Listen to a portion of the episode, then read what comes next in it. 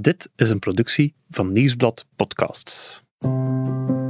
In 1940 had ik nog niets gezien van de oorlog of van de Duitsers. Tot op een dag, ik kwam thuis en daar in de inkomhal van mijn appartementsgebouw botste ik op de Duitsers. Ze vroegen me of er een andere uitgang was. Ik wist eerst niet waarom. Al snel begreep ik het. Er woonden Joden helemaal beneden in het gebouw. Dat wist ik niet. Gelukkig waren ze weg. Op tijd ontsnapt. Dat was echt de allereerste keer dat ik begon het te beseffen. Het is waar, van die Duitsers. Ze jagen op Joodse mensen. Ik ben Sophie en dit is het verhaal van mijn oma. Mimi noemde ik haar. Maar tijdens de oorlog heette ze Solange. En waarom dat zo was, dat zoek ik uit in deze podcast. Dag Sophie. Dag Bert. We gaan deze aflevering beginnen waar de vorige geëindigd is. Hè? Bij mevrouw Koenjec, de vrouw die jouw oma zocht via het zoekertje. En jij hebt haar uiteindelijk gevonden. Vertel nog eens, hoe heb je haar gevonden? Na mijn bezoek in de kazerne d'Ossin wist ik dat ik moest op zoek gaan naar Roselyne Lewin. Dat was haar echte naam van mevrouw Koenjec. Dat was haar echte naam. En ik heb haar gevonden via Facebook en uiteindelijk hebben we zo via Messenger getelefoneerd. Ja. Zij woont nu in Israël. Je hebt met haar getelefoneerd via Messenger. Kende ze jouw oma nog toen je over haar begon? Ja, zeker. Ze had er zelfs een hele mooie naam voor. La maman pour un jour. Hallo? Sophie, Oui, Roselyne? C'est Roselyne.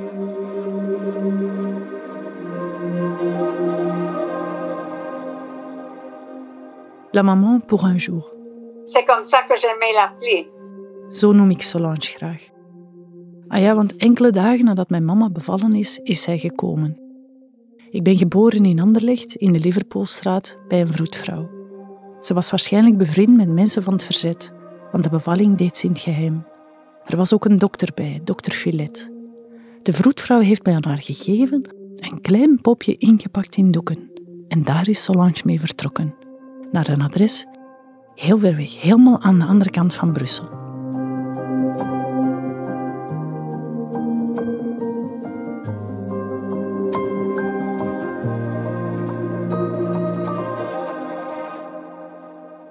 Bert, om het hele verhaal van mijn oma, van Solange en mevrouw Cognetsch goed te begrijpen, wil ik u graag eens meenemen naar 1942. Midden in de oorlog. Ja. Een beetje een sleuteljaar, dacht ik. Hè. Ik heb geschiedenis gedaan en ik weet nog dat dat het moment is waarop de oorlog is gekanteld, maar ook waarop dat er meer en meer werd gejaagd op de Joden door de Duitsers. Klopt? Ja, zeker. Er komen razzia's en de Joodse gemeenschap krijgt het moeilijker en moeilijker. En dat heeft ook Doreen van de kazerne d'Ossijn mij verteld.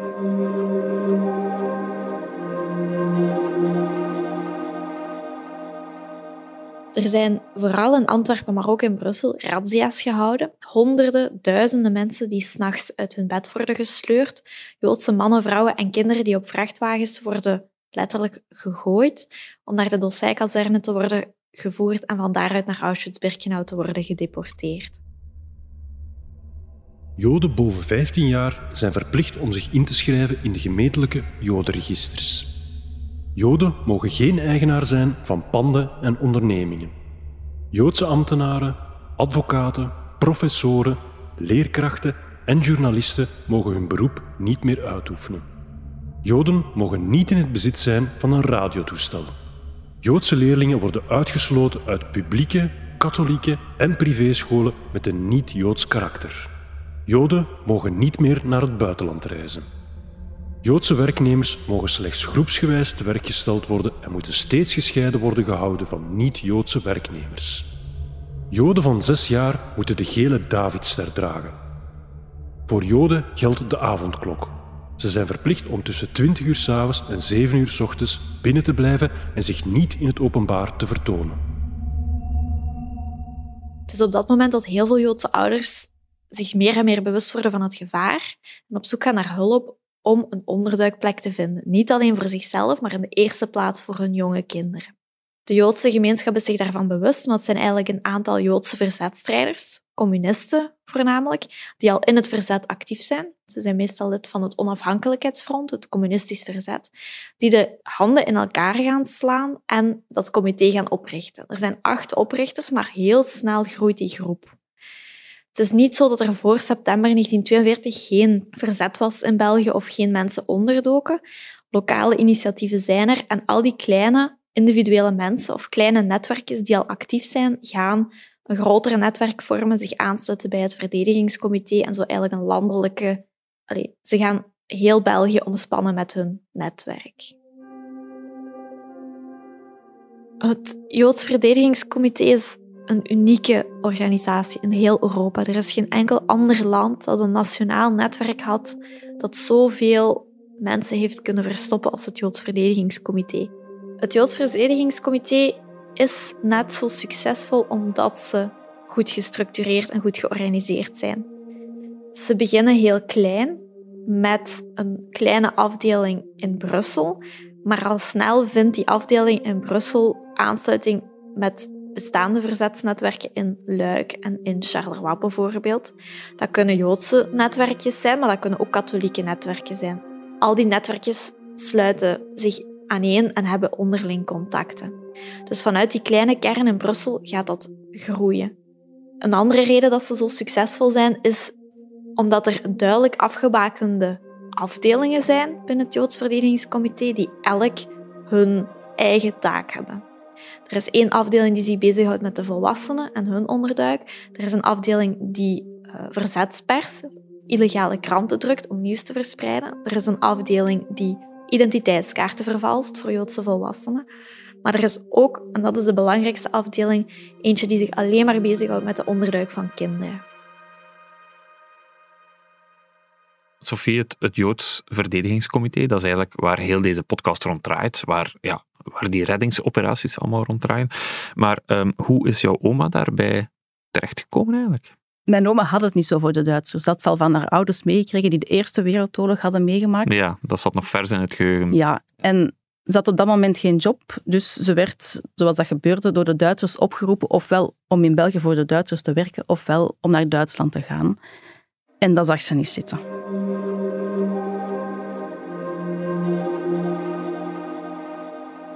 J'étais convoquée, j'ai dû aller, on m'a dit voilà, vous allez euh, ou bien être, vous partez en Allemagne ou bien vous allez à la FN. Ik kon kiezen tussen werken bij FN Herstal of naar Duitsland gaan. Dat is als kiezen voor de pest of de cholera. Geen haar op mijn hoofd dat eraan dacht om op een van die voorstellen in te gaan. Ik besefte dat het beste wat ik kon doen was mij opnieuw inschrijven op school voor een specialisatiejaar. Dat was een gouden tip. Ik deed het meteen. Want als studenten konden ze me niets meer doen, die Duitsers. Maar van studeren kwam er uiteindelijk niet veel. Want op school zeiden ze me: er is een dame die sociaal assistenten zoekt. Misschien is het iets voor jou. Ik ben meteen gaan luisteren. Ik had een gesprek met Ida Sterno. Zij stond aan het hoofd van de kinderafdeling van het Joods Verdedigingsnetwerk. Ze zocht enkele vrouwen die er niet Joods uitzagen. Zot eigenlijk. Ze kende me niet. En toch had ze een blind vertrouwen in mij. Zij heeft me uitgelegd wat het precies was. Joodse kinderen verstoppen. Ik zei meteen ja. Zonder twijfel. Logisch toch? Wie zou dat nu niet doen? Als je begint met, oh, als dit of dat, ja, ja, dan, uh, dan doe je niks. Je kon die Duitsers toch niet zomaar hun gang laten gaan. We moesten er alles aan doen om ze tegen te werken, die Duitsers. Kinderen redden, dat doe je toch gewoon. Voor mij zijn kinderen toch iets heiligs. Aan kinderen raak je niet. Dus Sophie, één gesprekje. Meer was er blijkbaar niet nodig voor jouw oma om toe te treden tot het verzet. Nee, Ik vind dat straf. Dat ze geen seconde aarzelt, dat is toch best wel een beslissing om iets zeer gevaarlijks te gaan doen. Ze had meegekregen, als ik de Duitsers een hak kon zetten, dan doe ik dat gewoon. Ja. En ik denk, op dat moment beseft je nog niet wat er allemaal gaat komen. Hè? Ja. Niemand wist dat. Ik, ik vraag me dan ook wel af, hoe wordt dat dan georganiseerd? Dus je oma zit in die organisatie, maar er zijn dan natuurlijk nog heel wat Joden die op dat moment worden opgejaagd, die zich moeten verstoppen. Hoe komen die in contact met die verzetsorganisatie? Dat wou ik ook weten. En ik ben daar eh, terug naar Doreen geweest. Naar de kazerne Tossen.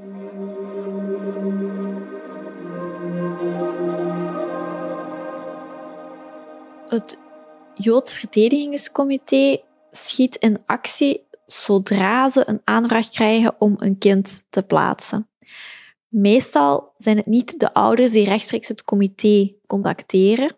Het comité leidt een, schemerbestaan. Niet veel mensen weten dat het bestaat. Want natuurlijk, het is wel een illegale operatie dat ze voeren. Hoe gebeurt dat? Ouders kloppen vaak aan bij officiële instanties om hulp voor hun kinderen.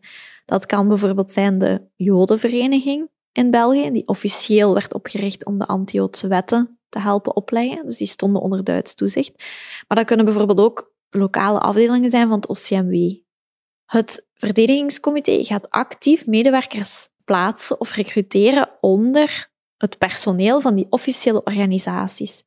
En die ja, spionnen, eh, vertegenwoordigers, geven, zodra die ouders langs zijn geweest bij de officiële organisaties, hun contactgegevens aan het verdedigingscomité door. Die ouders gaan nooit weten wie hun gegevens aan het comité heeft gegeven, maar het comité weet dan wel waar ze naartoe moeten om hulp aan te bieden. Er wordt dan gesproken met de ouders en er wordt een afspraak gemaakt om het kind op te halen. Soms is het verdedigingscomité te laat, wordt de afspraak gemaakt en is het gezin al opgepakt samen met de kinderen voordat ze de kinderen kunnen ophalen. In de meeste gevallen wordt er een koerierster gestuurd die het kind van de ouders overhandigd krijgt en het dan begeleidt van het oude adres naar het nieuwe adres.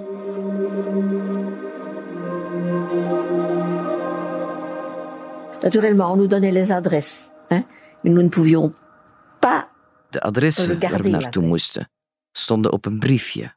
Dat leerden we van buiten. En dan verscheurden we het. Daarom bezochten we ook maar twee gezinnen per dag. Maar we waren wel alle dagen op stap. Van 's morgens vroeg tot 's avonds laat. On n'avait pas, pas beaucoup de temps libre. Hein. On était occupés toute la journée. Uren? Nee, dat hadden wij niet. Dat kenden we niet. Mijn gedachten waren de hele tijd bij het JVC. Ik stond ermee op en ik ging ermee slapen. Ofwel was ik echt op stap, op straat, ofwel spookten die kinderen door mijn hoofd. Hoe ging dat? We vingen iets op uit een of andere instelling waar Joodse kinderen verbleven. Dan ging een van ons daar kijken. Of we hadden gehoord dat er ergens Joodse kinderen in nood waren. Dan vroegen we dat adres en gingen we hen halen. Ja, we waren altijd, altijd in de weer. La première qui m'a frappée, euh, c'est quand on m'a envoyé à Anvers. Voor mijn eerste opdracht moest ik in Antwerpen zijn.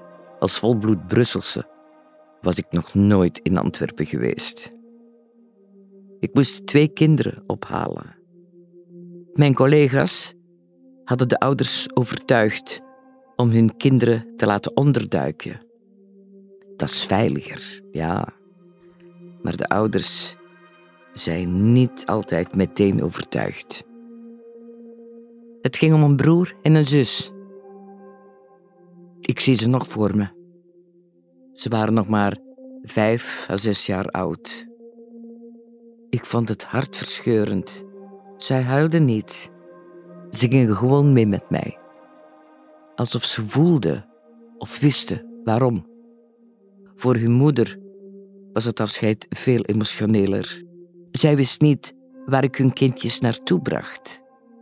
Ah, nee, dat, eh, dat gaat niet. Om veiligheidsredenen, hè? En ze wist helemaal niet of ze wel de juiste beslissing had genomen. We reisden helemaal van Antwerpen naar Leuven. In die tijd was dat een reis met heel wat hindernissen. We moesten de tram nemen, de trein, dan weer de tram. Ik vertelde veel verhalen, we zongen liedjes. Maar op het perron laten ze toch wel hun reiskoffertje vallen. Dat was even schrikken. Al hun spulletjes lagen verspreid over de grond. Gelukkig zag ik geen Duitsers. We hebben alles snel bij elkaar geraapt en goed stevig ingepakt. Zo'n reis, het was toch altijd een hele onderneming. Ils comprenaient ça très bien, ces Écossais. Ils étaient très mûrs pour leur âge. Ils se rendaient compte que c'était un danger que de, que de courir avec le don qu'ils avaient. Van zodra we op pad gingen met kinderen, kregen zij een schuilnaam. Dat is niet evident voor hen. Soms brengt het je in de problemen. Ik was onderweg met een klein kind. Ja, mensen vinden kleine kinderen altijd schattig. Dat is vaak het begin voor een kort babbeltje op straat. Ik doe altijd alsof het mijn kinderen zijn. Dat is het probleem niet. Zo sprak een oude vrouw me aan en eh, ze vroeg aan het kind: Hoe heet je? Op zich is dat een onschuldige vraag. Maar toen dus niet. Het kind antwoordde: Welke naam wil je weten? Mijn echte of mijn valse? J'ai eu de la chance. J'ai eu de la chance. Eén keer ben ik zelf ondergedoken. Het was gewoon te gevaarlijk. Het was eind mei 1944. Mijn collega Ida Sterno was opgepakt en naar de kazerne Dossin gebracht. Ik ben drie dagen ergens anders gaan slapen. Niet dat ik niet verder werkte. Wel in tegendeel. De nood was te hoog. We hebben toen, op het eind van de oorlog, echt nog heel veel kinderen in veiligheid gebracht. Vooral in kloosters. Ida heeft geluk gehad. Begin september 1944 kwamen de geallieerden en is België bevrijd. Haar trein is dus nooit vertrokken. En ondanks de vele ondervragingen heeft ze nooit iets losgelaten over het JVC en over de kinderen. Sofie, ik probeer mij dat voor te stellen. Ehm, je bent een lid van een verzetsorganisatie. Er zijn heel wat kinderen die je moet redden. Je moet die ja, in, een, in een oorlogssituatie, onder gevaar, moet je die eigenlijk van de ene plek naar de andere brengen. Dat zijn kinderen. Je moet weten tot welke familie die behoren, welk adres dat ze wonen, waar ze naartoe moeten. Hoe organiseerden ze dat zonder betrapt te worden? Want dat is toch allemaal niet zo evident. Ze werkten met schriftjes, een soort van boekhoudingssysteem. Ah ja, toch, ja. Die schriftjes verwezen naar elkaar. Als één schriftje gevonden werd, was helemaal het systeem nog niet uitgeplozen. Dus als de Duitsers hen op een bepaalde manier betrapten... Met één was- schriftje waren ze niks. Ja, oké. Interessant. En Doreen vertelt mij hoe dat, dat gecodeerd systeem in elkaar zit. Het Joods Verdedigingscomité verstopt ongeveer 2000 Joodse kinderen. Natuurlijk, om daar een spoor van te behouden en te weten wie waar zit, is het nodig om de gegevens van die kinderen bij te houden. Maar dat is heel gevaarlijk, want als die gegevens ontdekt worden, is het voor de nazi's eigenlijk heel simpel om een razzia te organiseren en iedereen mee te nemen. Dus ehm, wordt er een systeem ontwikkeld door mevrouw Heiber. Zij begint met een centrale steekkaartenbak en voor elk kind wordt er een steekkaartje aangemaakt met daarop de valse identiteit, de valse naam en een nummer. Met dat nummer kan je in verschillende schriftjes gegevens opzoeken. Bijvoorbeeld, er is één schriftje waarin je met dat nummer de echte naam van het kind kan opzoeken. Er is een ander schriftje waarin je met dat nummer het echte adres van de ouders kan opzoeken of van de familie. Er is een schriftje waar je met dat nummer het onderduikadres van het kind kan opzoeken. En er zijn, in dat geval zijn er aparte schriftjes voor Belgische families en Belgische instellingen, zoals scholen. Dus die worden in aparte schriftjes bewaard. En zo kom je eigenlijk tot, eh, er zijn meer dan vijf schriftjes bewaard. Uh, maar in totaal werden zo een, een vijftal verschillende soorten informatie bewaard, verdeeld over al die schriftjes. Dus die, die steekkaarten vertellen heel veel, ook wanneer ze zijn aangekomen bij hun onderduikgezin. Of er soms wissels zijn geweest. Kinderen zijn op twee, drie, vier, vijf plekken geweest. Uh, er was ook regelmatig controle door het Joods Verdedigingscomité. Dames die langs gingen bij die kinderen om te zien hoe ze het maakten. En we weten dat er kinderen van plek zijn veranderd omdat ze niet goed verzorgd werden. Dus er zijn wel, uh, die schriftjes zijn een heel belangrijke bron van informatie. En die werden bewaard bij het comité? Dus uh, de, er was een, het, het verdedigingscomité had een centraal bureau waar die schriftjes werden bewaard, maar ze werden nooit op dezelfde plek bewaard. Hmm. Dus als er eentje ontdekt werd, was dat op zich geen probleem, omdat men dus moest teruggaan naar die centrale nummer om via de andere boekjes alles te kunnen opsporen. Dus ze werden wel gescheiden bewaard, want het zou veel te gevaarlijk zijn geweest. Hmm. Ah ja, als je ze samen bewaart, dan heeft die codering eigenlijk geen zin meer. Wel straf eigenlijk dat je oma nooit betrapt is, hè, als je dat zo hoort. Eén keertje bijna wel. Ah, toch? Ja. En daarover vertelt ze in het interview aan Le Mémorial de la Shoah. J'avais beaucoup plus peur des, des policiers allemands, les, ou de, de, ceux avec leurs plaquettes, là. Parce que ceux-là arrêtaient. Ils, ils demandaient les papiers. Eén keer was het wel op het nippertje. Ik was met valse papieren onderweg naar een man die ondergedoken was. Best een gevaarlijke onderneming. De meeste mensen bewaarden die valse papieren in hun schoen. Maar iedereen kent die plek. Ook de Duitsers kennen dat trucje. Veel te gevaarlijk. Ik ben niet gek, hè? De paspoorten van toen waren in drie geplooid. En mijn paspoort zat in een plastic zakje. En ik stopte het valse paspoort in het midden. En niemand die het zag. Ik zat op de tram, onderweg naar die man, en we worden tegengehouden. Controle door de Duitse politie. Dat waren zware mannen. Niet te vertrouwen. Uitstappen, paspoorten. Toen ging mijn hart toch heel erg tekeer. Ik ben snel heel zenuwachtig, maar in zo'n situatie kan ik cool blijven en toch kalm reageren. En met mijn liefste glimlach heb ik toen mijn paspoort getoond aan die Duitse officier. Als een echte comedienne. En als bij wonder heeft hij niets gemerkt. Gelukkig, want als ze dat zouden zien, dan hang je. Elle croyait que je travaillais pour le National de l'Enfance, donc cet organisme qui s'occupe des enfants, des poupons, euh, dont Madame Nevejean, dont vous avez entendu parler sans doute. Elle a toujours cru que c'était que c'était ça. Il valait mieux. C'est jamais un mot est vite dit. Il faut être prudent. Ik mocht met niemand praten over mijn werk. Niet evident. Onze collega's zagen we niet vaak. We wisten best niet te veel van elkaar. Dus thuis, aan mijn moeder, kon ik niets kwijt over wat ik deed overdag. Ik zei haar dat ik werkte voor het nationaal welzijn van het kind. Dus het kind en gezin van vandaag. En eigenlijk was dat helemaal niet erg gelogen.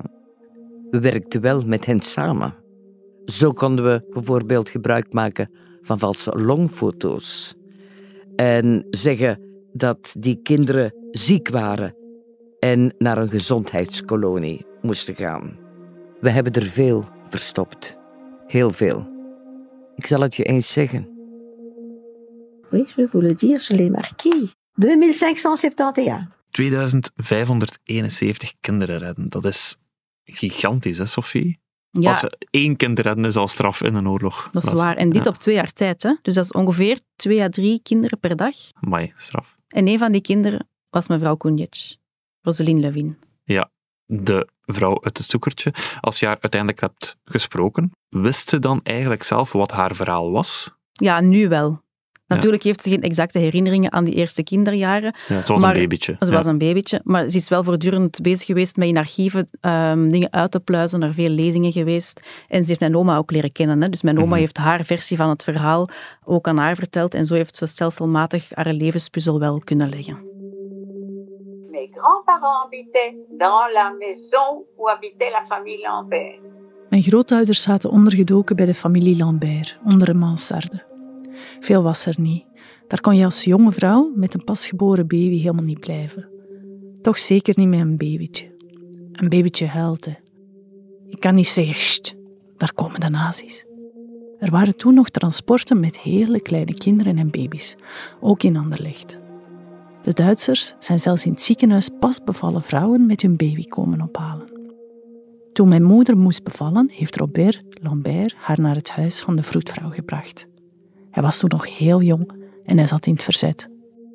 Wellicht is het Joods verdedigingscomité zo verwittigd. En wisten ze dat er een pasgeboren babytje was, dat een hele veilige plek nodig had. Daar bij de vroedvrouw, dat was echt een heel klein kamertje in een gewoon huis. Ze begeleidde bevallingen bij haar thuis.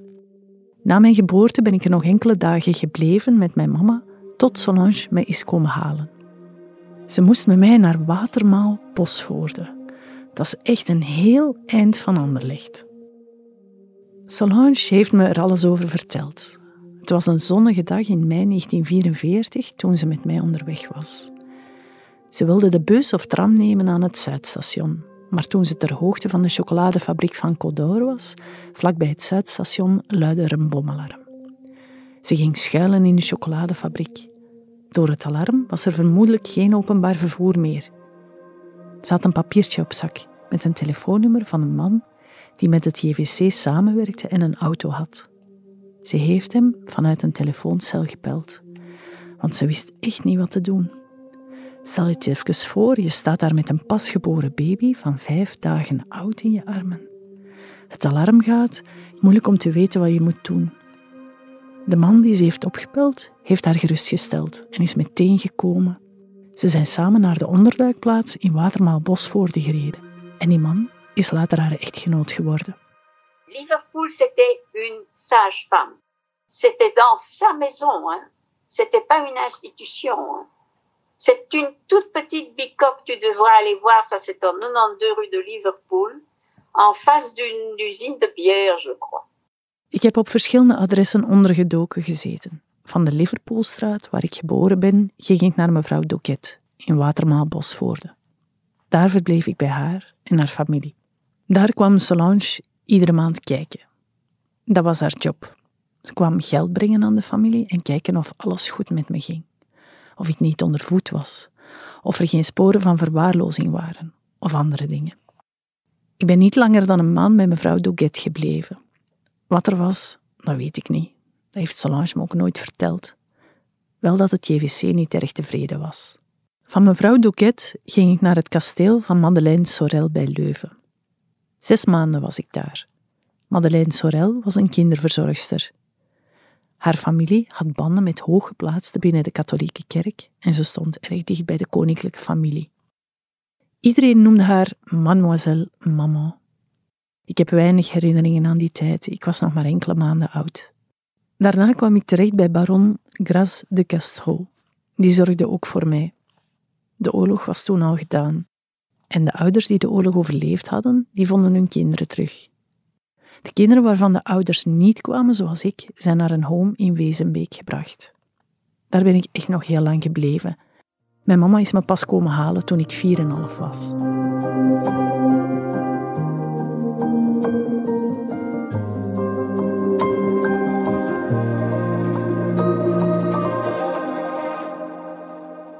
Sophie, het valt me eigenlijk op dat in dit verhaal over het verzet vooral vrouwen actief zijn. Terwijl dat ik dacht dat eigenlijk het verzet eerder een mannenzaak was. Ja, dat klopt. Hier zijn heel veel vrouwen en dat is niet toevallig. Het verzet was eigenlijk wel een weerspiegeling van de samenleving, waarbij dat je zowel typische vrouwentaken had en typische mannentaken. Ah ja, en ja. de zorg voor kinderen was toen zeker nog vooral een vrouwentaak. En ik ben hiervoor eens langs geweest bij Michelle Kortals. Zij is onderzoekster aan de Universiteit van Antwerpen. En zij doet onderzoek naar de rol van vrouwen in het verzet. We zien in alle vormen van verzet, dus of het nu over gewapend verzet, spionage, clandestine pers gaat, zien we dat daar mannen en vrouwen in actief zijn. Um, dus we zien ook dat vrouwen actief zijn in alle vormen van verzet. We zien dat um, bij de oprichting van het Joods Verenigingscomité zijn er natuurlijk mannen en vrouwen um, betrokken, maar die kinderafdeling is vooral een, een zaak van vrouwen. En dat is ook niet toevallig. Bepaalde activiteiten worden inderdaad meer gezien als vrouwenwerk.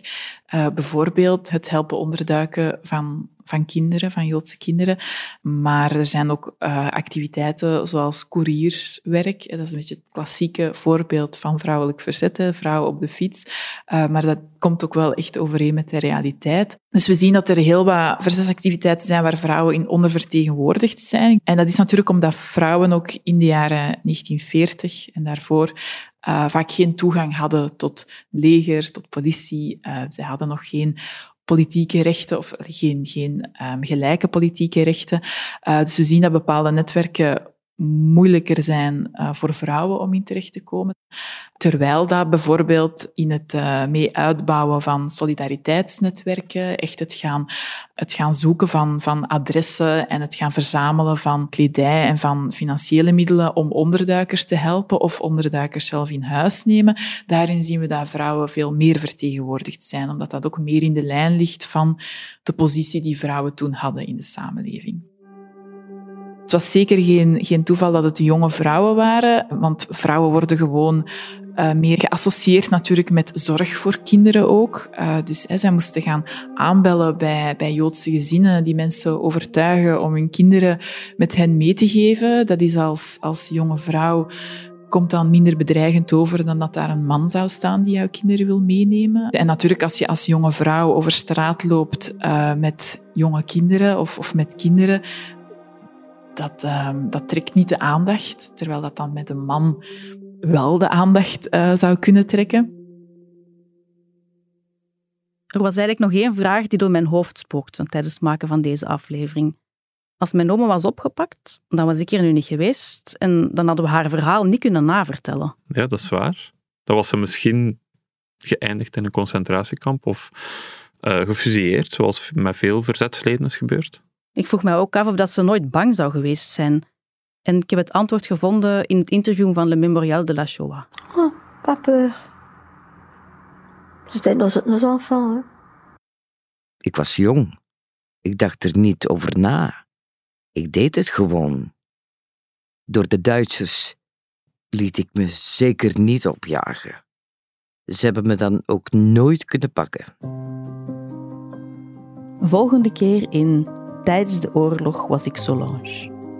Ik ben de persoon die u in Anderlicht is komen ophalen, enkele dagen na uw geboorte. Die periode zag ik ook een van de eerste films over de concentratiekampen. Verschrikkelijk gruwelijk. Beeld u in dat je 52 jaar lang niks weet van uw, van uw eerste levensjaren.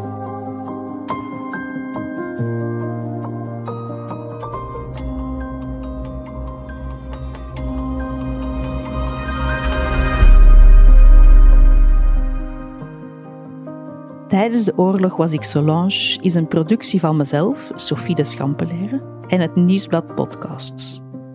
Deze podcast kwam tot stand met de steun van het Fonds Pascal de Kroos, de auteurs, Stichting Auschwitz en de Stichting van het Jodendom van België. Speciale dank aan Viviane de Munk en Christine de Hert, die de stem van Solange en Roseline inlazen. De montage en de muziek waren in handen van Elisabeth Verstraeten van House of Media. Eindredactie gebeurde door Bert Heijvaart en Joni Keimolen. Bedankt om te luisteren. Heb je ervan genoten? Laat dan een review achter, zodat anderen ook de weg vinden naar deze podcast.